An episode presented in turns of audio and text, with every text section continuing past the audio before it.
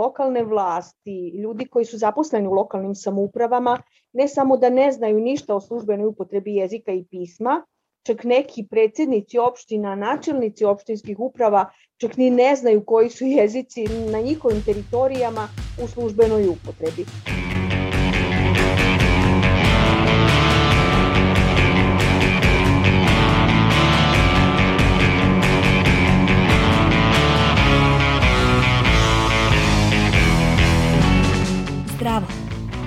Sija! Nazdar! Vitajce! Da li nas razumete?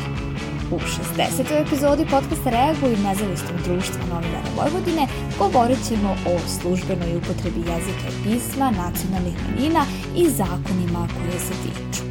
Da li mislite da se ovi zakoni zapravo primenjuju? Hajde da saznamo. Poslušajmo prilog studenta Davida Grosavića u kome je razgovarao sa pripadnicama manjih zajednica o njihovim iskustvima. Kako nalažu zakoni Srbije, pripadnici nacionalnih zajednica imaju pravo na službenu upotrebu njihovih maternjih jezika i pisama. Takođe, kada je reč o informisanju, medijski servis Vojvodine je u dužnosti da u svoju programsku šemu uključi i jezike manjinskih nacionalnih zajednica. Međutim, postavlja se pitanje u kolikoj meri su ovi zakoni primenjivi u stvarnosti, odnosno koliko pripadnici nacionalnih zajednica koriste svoja prava kada je u pitanju službena upotreba njihovih jezika i pisama. Pripadnica Rusinske nacionalne zajednice Ivana Čordaš za podcast Reaguj kaže da je iskoristila svoje pravo da pojedine predmete ispite polaže na svom maternjem jeziku, te da redovno prati medije u Vojvodini, čiji sadržaj se emituje na rusinskom pored toga što kod kuće sa svojima pričam rusin, na rusinskom jeziku, takođe sam na fakultetu uspela da prve dve godine slušam rusinske predmete, odnosno neke od predmeta su bila kulturna istorija Rusina, morfologija rusinskog jezika. To su predmeti koji na fakultetu omogućavaju pripadnicima nacionalnih manjina da barem prve dve godine slušaju i uče neki predmet na svom maternjem jeziku. Pratim redovno rusinski dnevnik koji ide na e, radio televiziji Vojvodine 2 u 6.15.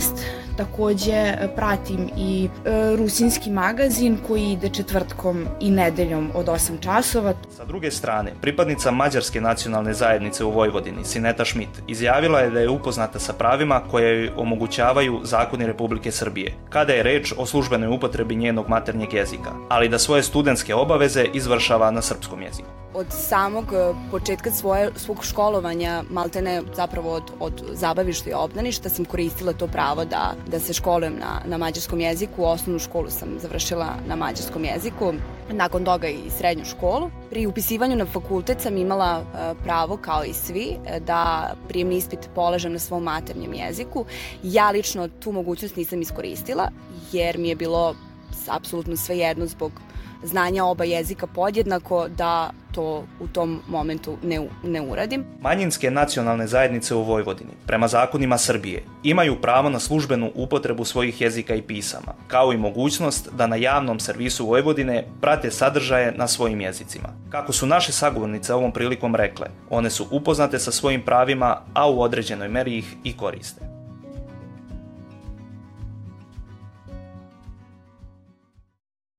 David je spomenuo zakone koji se tiču službene upotrebe jezika i pisma, ali koji su to zakoni i akti? Prema Ustavu u Srbiji je u službenoj upotrebi srpski jezik i ćirilično pismo, dok se službena upotreba drugih jezika i pisama uređuje zakonom. Ustavom je zagarantovano pravo pripadnika manjinskih nacionalnih zajednica na očuvanje posebnosti, što podrazumeva i pravo na upotrebu svog jezika i pisma – Sa druge strane, statut Vojvodine navodi da je u Vojvodine u službenoj upotrebi srpski jezik i ćirilično pismo, mađarski, slovački, hrvatski, rumunski, rusinski jezik i njihova pisma – Za regulisanje prava na službenu upotrebu manjinskih jezika ključna su dva zakona. Zakon o službenoj upotrebi jezika i pisama i Zakon o zaštiti prava i sloboda nacionalnih manjina. Dalje, statutom opštine, odnosno grada, mogu se utvrditi jezici i pisma koji su u službenoj upotrebi na teritoriji opštine, grada ili u pojedinim naseljenim mestima. Pre manje od godinu dana u Bačkom Petrovcu javnost se pobunila kada su postavljene nove putokazne table isključivo na Ćirilici. Poslušajmo i drugi studentski prilog baš o ovom slučaju koji je pripremila Jelena Markov. Krajem 2020. godine u Bačkom Petrovcu, gde više od 80% stanovništva čine Slovaci, došlo je do pobune javnosti zbog postavljanja novih putokaznih tabli koje su ispisane samo na srpskom jeziku ćiriličnim pismom. Rukovodila službe za privredu, urbanizam, komunalno-stambene i inspekcijske poslove u Bačkom Petrovcu, Duško Lukač, kaže da su sprovedene dodatne provere na osnovu kojih je utvrđeno da ne postoji kršenje zakona. Kolega saobraćajni inspektor je sproveo proceduru provere, odnosno prethodno je pribavljena saglasnost na projektnu tehničku dokumentaciju na osnovu koje su putokazne table postavljene i nakon toga je sprovedena procedura provere, dodatne provere kod ministarstva e, zaduženog za poslove saobraćaja kao i e, javnog preduzeća Putevi Srbije, gde smo dobili pozitivne odgovore, odnosno e, konstataciju da je postavljanje putokazne table u skladu sa propisom. E, takođe je um, Upravna inspekcija za službenu upotrebu jezika i pisma sprovela inspekcijski nadzor na teritoriji opštine Bački Petrovac. Rukovodilac Lukač objašnjava da postoje propisi u kojima se navodi na kojim vrstama puteva se postavljaju koje vrste saobraćenih tabli. Saobraćeni znaci su čitava familija znakova gde postoje različiti prioriteti gde se kad i šta postavlja. Kako bi se e, to mnogo bolje uredilo, Ministarstvo nadležno za poslove saobraćaja donalo čitav niz propisa, između ostalog i jednu tehničku preporuku sa obavezujućim primenom, gde se tačno navodi po kojim vrstama puteva se postavljaju kakve vrste tabli. Saobraćeni inspektor Nebojša Stojsavljević na osnovu zakona o službenoj upotrebi jezika i pisama i pravilniku o saobraćenoj signalizaciji objašnjava razliku između saobraćenih znakova koji označavaju naziv i završetak naseljenog mesta kao i putogaznih tabli na državnom putu prvog i drugog reda.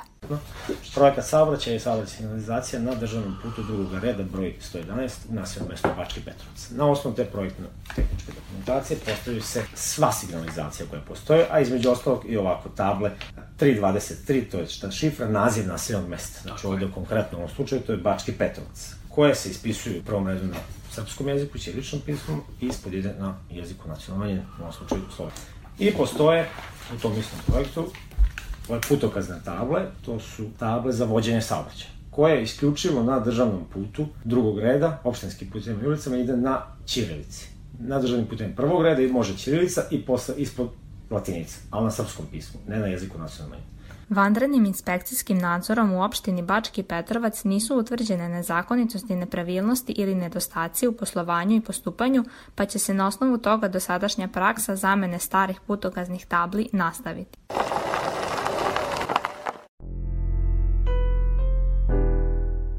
Ukoliko pripadnika nacionalne manjine u ukupnom broju stanovnika opštine dostiže 15%, prema rezultatima poslednjeg popisa stanovništva, nacionalna manjina ima prava na službenu upotrebu jezika.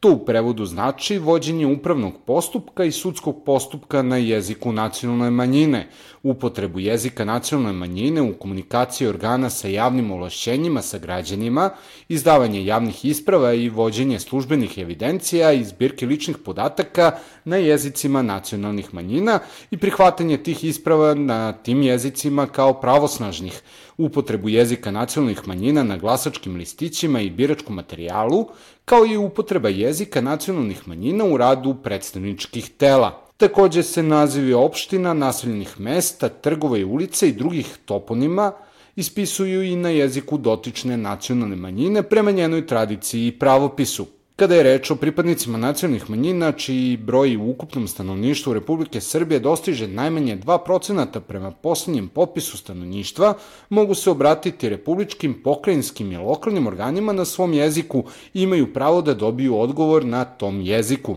Predsednica odbora za službenu upotrebu jezika i pisma u Nacionalnom savetu Rusina, Olena Papuga, za podcast Reagu i objašnjava da je pre godinu dana sa svojim kolegama obišla opštine u kojima je rusinski u službenoj upotrebi.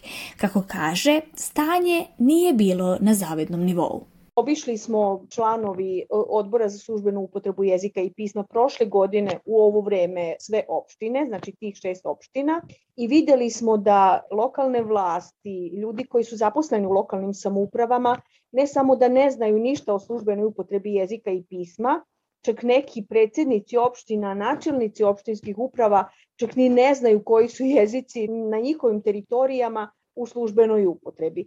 Mislim, to su uglavnom svi jezici nacionalnih zajednica koji imaju, da kažem, neka, mislim, svoja stečena prava. Znači, ima nekih jezika koji se počinju uvoditi u službenu upotrebu, ali uglavnom slovački, rusinski, gde smo mi išli u Šid, Žabalj, Novi Sad, Bačku Topolu, Kulu i Vrbas, to su mesta gde je rusinski u službenoj upotrebi, skoro da kažem vam, je ta službena upotreba jezika i pisma zanemarena. Kao primer loše prakse, Olena Papuga navodi slučaj iz opštine Vrbas.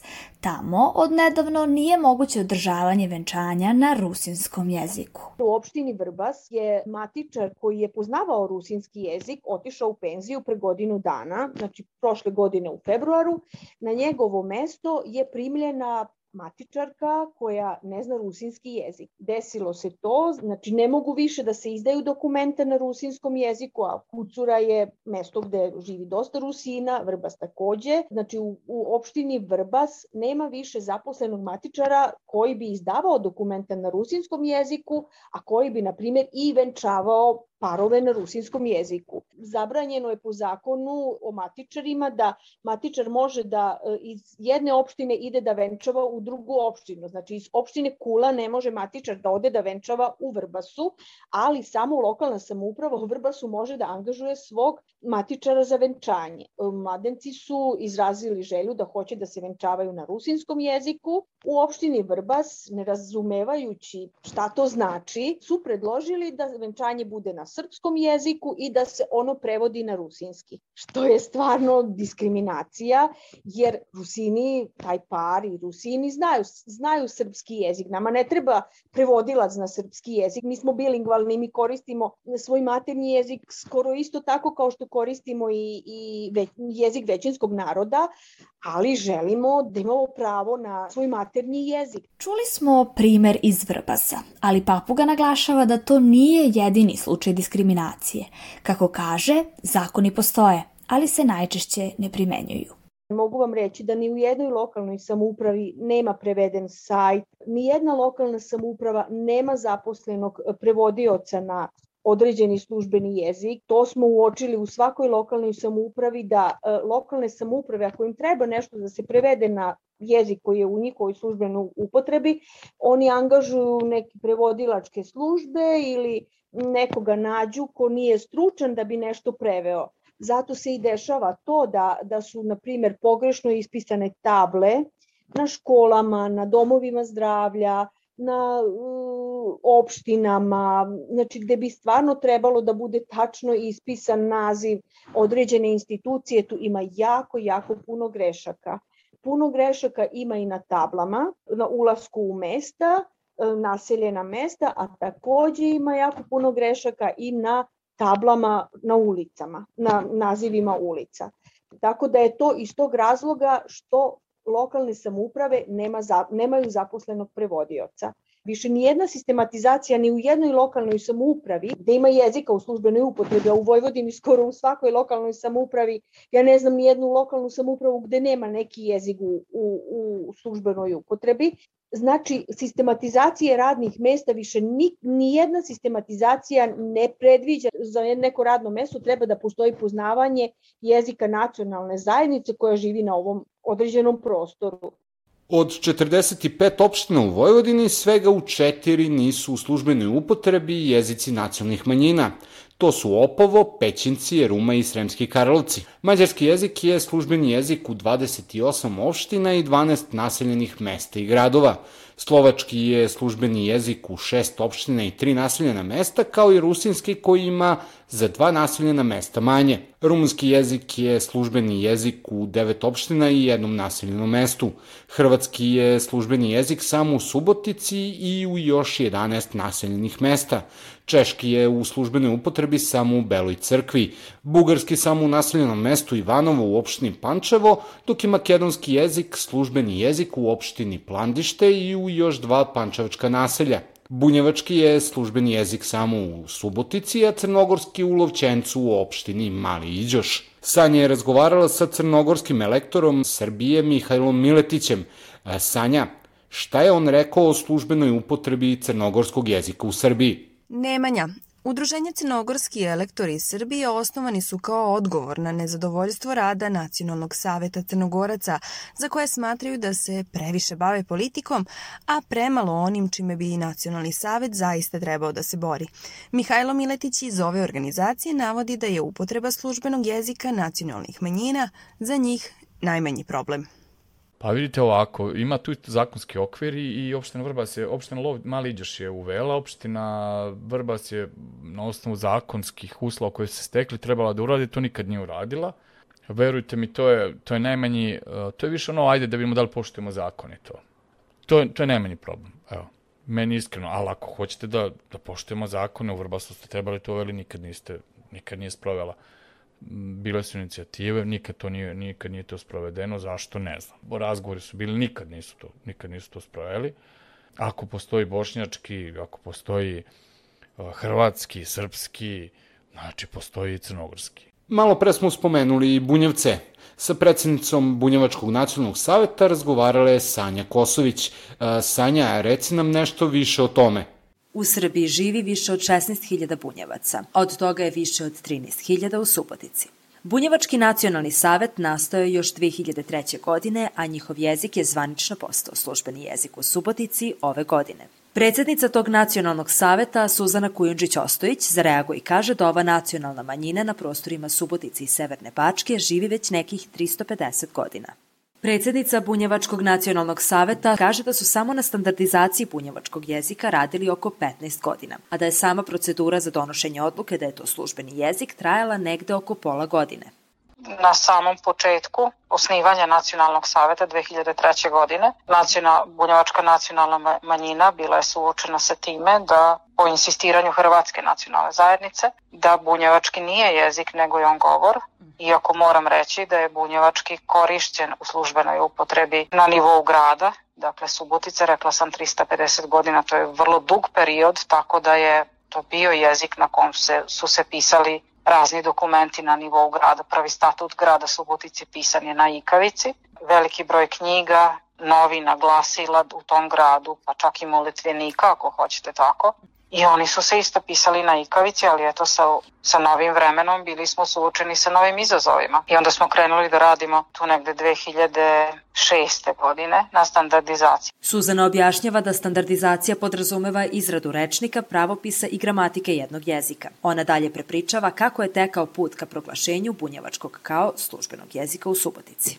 Nakon tog završetka, to je bilo tu negde 2017. 2018. godine, status predmeta koji se izučava u osnovnim i sada i u srednjim školama, dakle bunjevački govor sa elementima nacionalne kulture prerastao je bunjevački jezik sa elementima nacionalne kulture, dakle Ministarstvo prosvete je bilo prvo to koje je i prepoznalo u standardizaciju i nakon toga smo se obratili gradu Subotici na osnovu zakona o službenoj upotrebi jezika i pisma i zakona o nacionalnim savetima da nam se omogući da u onim teritorijalnim jedinicama gde živi više od 15% bunjevaca da se odobri da tu bude službena upotreba jezika i pisma. Međutim, gradonačelnik, odnosno na njegovo insistiranje ili odobravanje, kako god hoćete, taj zahtev je proširen na celokupnu gradsku jedinicu, odnosno na ceo grad i to na osnovu upravo onog prvog zakona, odnosno prvog člana zakona o službenoj upotrebi jezika i pisma, da, služ, da lokalna samouprava može uvesti jezik i ako je manje od 15%, dakle ne elaborira da može ispod 15, nego kaže može i ako nema, a mora ako ima 15% više. Ona kaže da u Subotici 15% bunjevaca živi u više od šest teritorijalnih jedinica. Samim tim, oni su na osnovu svog istorijskog boravka na toj teritoriji, ali i na osnovu pomenutih zakona ostvarili svoje pravo. Iako je bilo reči o tome u javnosti, u medijima i tako dalje, da je to presedan i tako dalje, to nije presedan u Republici Srbiji. Čak postoji jedno mesto, mislim da je to negde blizina Zrenjanina, jedne određene manjine ima 0,23%, pa je i bez obzira na to uveden ovaj, taj manjinski jezik. Ili recimo u Pančevu gde ima 11%, gde je bilo 11% makedonaca, pa isto uvedeno ili recimo u Novom Sadu pogledate koliko ima Slovaka ili Rusina ili bilo kojeg drugog naroda, jeste da su to stečena prava, ali tih naroda više podavno nema na, na tim teritorijama ni 10%, a ni 15%. Dakle, prosto se govori o nekim afirmativnim merama, da to tako kažem. Kao što je Suzana i ranije pomenula, Hrvatska nacionalna zajednica insistira na tome da bunjevački nije jezik, već samo dijalekt. Tako je prilikom proglašenja bunjevačkog kao službenog jezika u Subotici Hrvatska zajednica iz Vojvodine, ali i iz Zagreba burno odreagovala. Suzana Kujundžić-Ostojić kaže da je jezik univerzalno pravo za sve nacionalne manjine, a da samim tim što su nacionalna manjina, njihovo očuvanje kulturnog identiteta je već ugroženo. Mislim da je to univerzalno pravilo za sve nacionalne manjine da imaju pravo da čuvaju svoj materni jezik koji već samim tim, pošto su nacionalna manjina, pripadaju određenoj vrsti ugrožene kategorije, ja, u smislu očuvanja jezika, identiteta i svega ostalog. Kad je bunjevačka zajednica u pitanju, mislim da je tu zadatak više u smislu da smo proveli jako dugo, čak 70 godina bez prava izjašnjavanja u smislu da možemo reći da smo bunjevci, da je sa tim zajedno po strani bio i naš jezik i da sad ova službena upotreba jezika i pisma konačno i bez zadrške svakom bunjevcu i svako, svakoj bunjevki daje signal i daje znak da je taj jezik i taj identitet i ta pripadnost nacionalnoj manjini prepoznata u gradu i priznata. Mislim da da bolje i veće važnosti od toga nema, na nama je naravno dalje da taj jezik usavršavamo, da ga govorimo i da ga čuvamo kao što su to radili naši preci. Ako odemo malo dalje od Vojvodine, kada je u pitanju vlaški jezik, za njega postoje dve struje mišljenja. Vlaški je rumunski i vlaški je vlaški. Međutim, kako korisnici interneta često zaboravljaju, mišljenje nije isto što i činjenica. O asimilaciji govori i podatak da se prema popisu iz 2011. godine oko 35.000 ljudi izjasnilo kao vlasi. Ipak 43.000 ljudi navelo je vlaški kao materni jezik. Ono što je zanimljivo u vezi vlaškog jezika jeste što je on jedini romanski jezik koji se služi i ćirilicom. Izvršni odbor Nacionalnog saveta Vlaha je pre 10 godina odlučio da će se govornici ovog jezika služiti sa oba pisma kako bi mnogim pripadnicima vlaške nacionalne zajednice bilo jednostavnije da čitaju i pišu na svom govornom jeziku, pišu novosti. Oba pisma bogatija su za pet slova od srpskog pisma. Naš sagovornik koji je želo da ostane anoniman smatra da je ova standardizacija bio loš pokušaj. Postojali su neki pokušaj da se standardni jezik vlaški napravi, da se standardizuje, zato što su u pitanju dijalekti razni. Naprimjer, u Negotinu se priča i u Kladovu jedan dijalekt, u Boru se priča drugi, u jednom delu Majdanpeka se priča treći, To treba sada standardizovati ili ćemo da imamo tri vlaška jezika standardna. Znači, to je veliki problem, a nemamo toliko govornika. Odluka o standardizaciji vlaškog jezika koju je osvojio Nacionalni savet Vlaha objavljena je u službenom glasniku Republike Srbije 23. oktobra 2015. godine. Među 20 jezika koji se kao nacionalni jezici sa elementima nacionalne kulture izučavaju kao izborni predmeti u osnovnim školama, spada i vlaški. Učbenik je napisan na Ćirilici. Kao izborni ušao je u 10 osnovnih škola u 7 opština Istočne Srbije 2014. godine. S druge strane, postoji otpor kod onog dela stanovništva koje ne zna svoju istoriju, a takvih je najviše, verujte mi.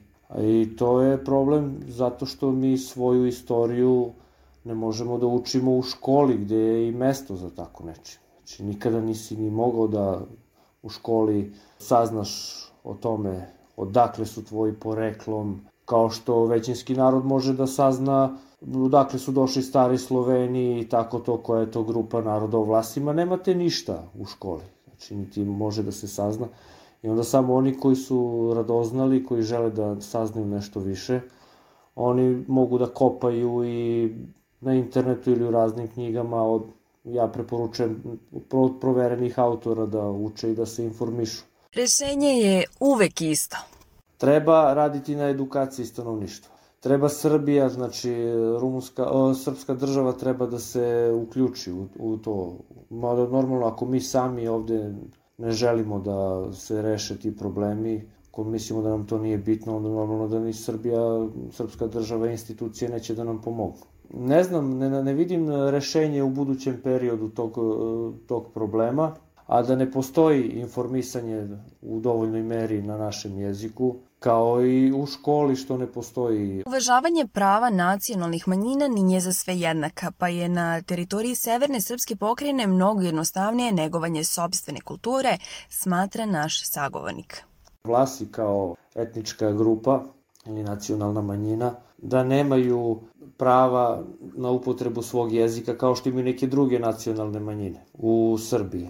Treba uzeti Vojvodinu kao dobar primer, ali tamo je dugi niz godina, znači postoji tradicija, znači negovanja tih e, kroz nacionalne savete i kroz, e, i kroz kulturne te manifestacije, ovo, ta manjinska prava se baš e, tamo neguju. Ovde nije takva situacija, znači ovde su, ja mislim, ljudi čak u većoj, u većoj meri svesno pristali da budu asimilovani, što mislim da je žalostno. Iako nemački ne podleže službenoj upotrebi u Srbiji, Mihael Plac, predsednik Nacionalnog saveta Nemačke nacionalne zajednice, objašnjava da razlog tome mali broj pripadnika nemačke nacionalne manjine u Srbiji. Ipak, nemački jezik se u nekim mestima izučava. Što se tiče zakonske regulative oko uh, korišćenja službene, u službene svrhe jezika uh, nemačke nacionalne manjine, mislim da se tu ne može puno toga promeniti gotovo, gotovo ništa, ovaj, bez obzira što se ne koristi, ali mislim da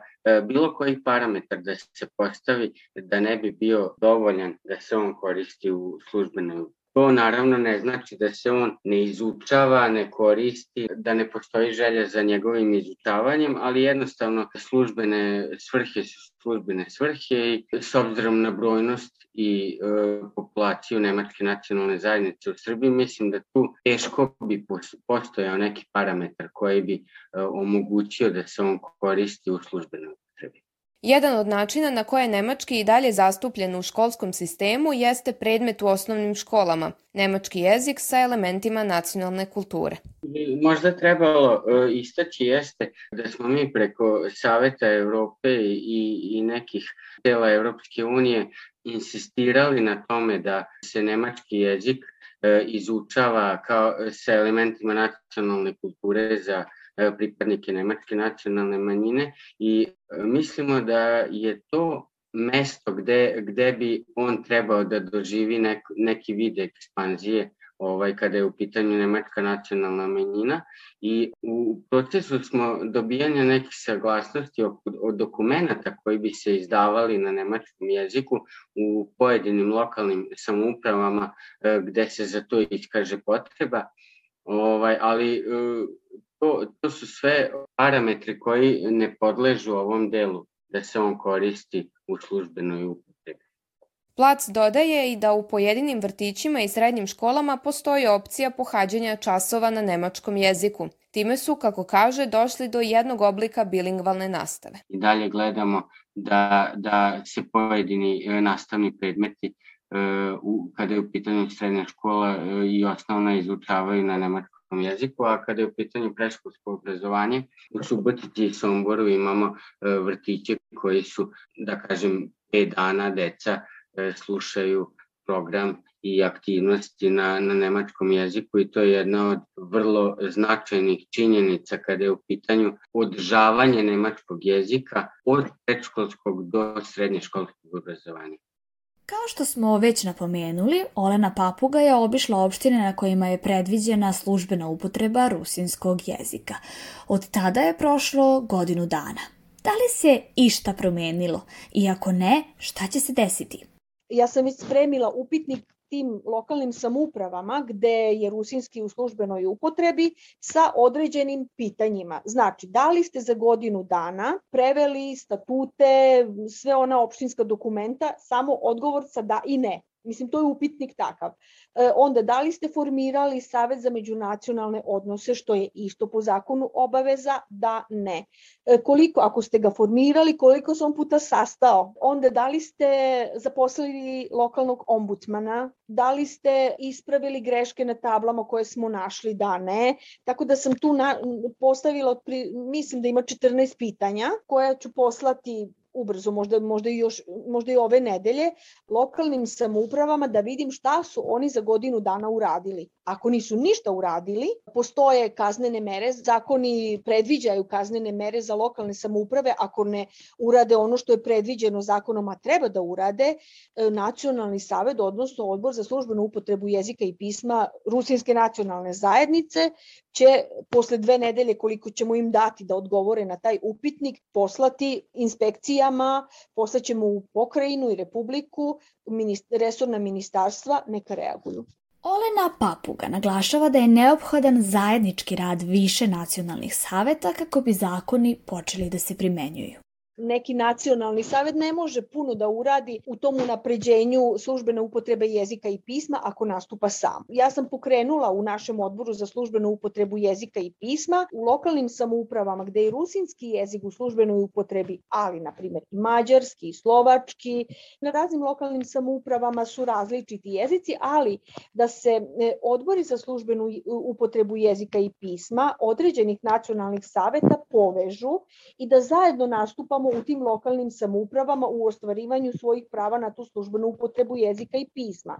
Znači, ako je u pitanju opština Šid, da zajedno sa Slovačkim nacionalnim savjetom, odnosno sa njihovim odborom za službenu upotrebu jezika i pisma, pišemo dopise, insistiramo da se u sistematizacije stavi poznavanje rusinskog i slovačkog jezika, da insistiramo na tome da sajtovi moraju da budu na slovačkom i na rusinskom i tako dalje. Znači, ja, moja preporuka je a i radit ću na tome da povežem nacionalne savete i odbore E, da zajedno nastupamo e, prema lokalnim samoupravama koje nisu spremne i da poštuju zakone i zaobilaze ih na svaki način. Da li ste razumeli šta smo govorili?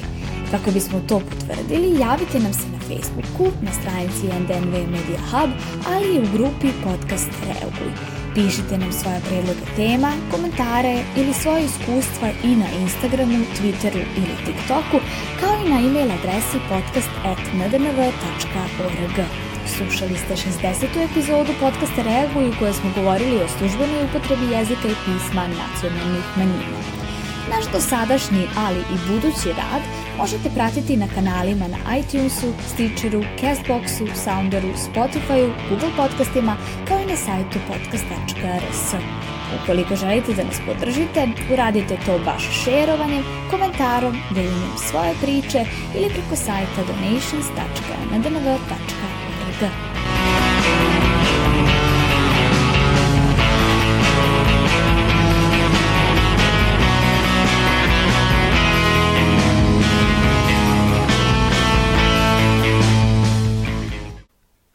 Ovaj podcast je pripremljen uz finansijsku podršku Europske unije i Saveta Evrope u okviru projekta Promocija različitosti i ravnopravnosti u Srbiji. Stavovi izraženi u njemu ni na koji način ne odražavaju zvanično mišljenje bilo koje strane.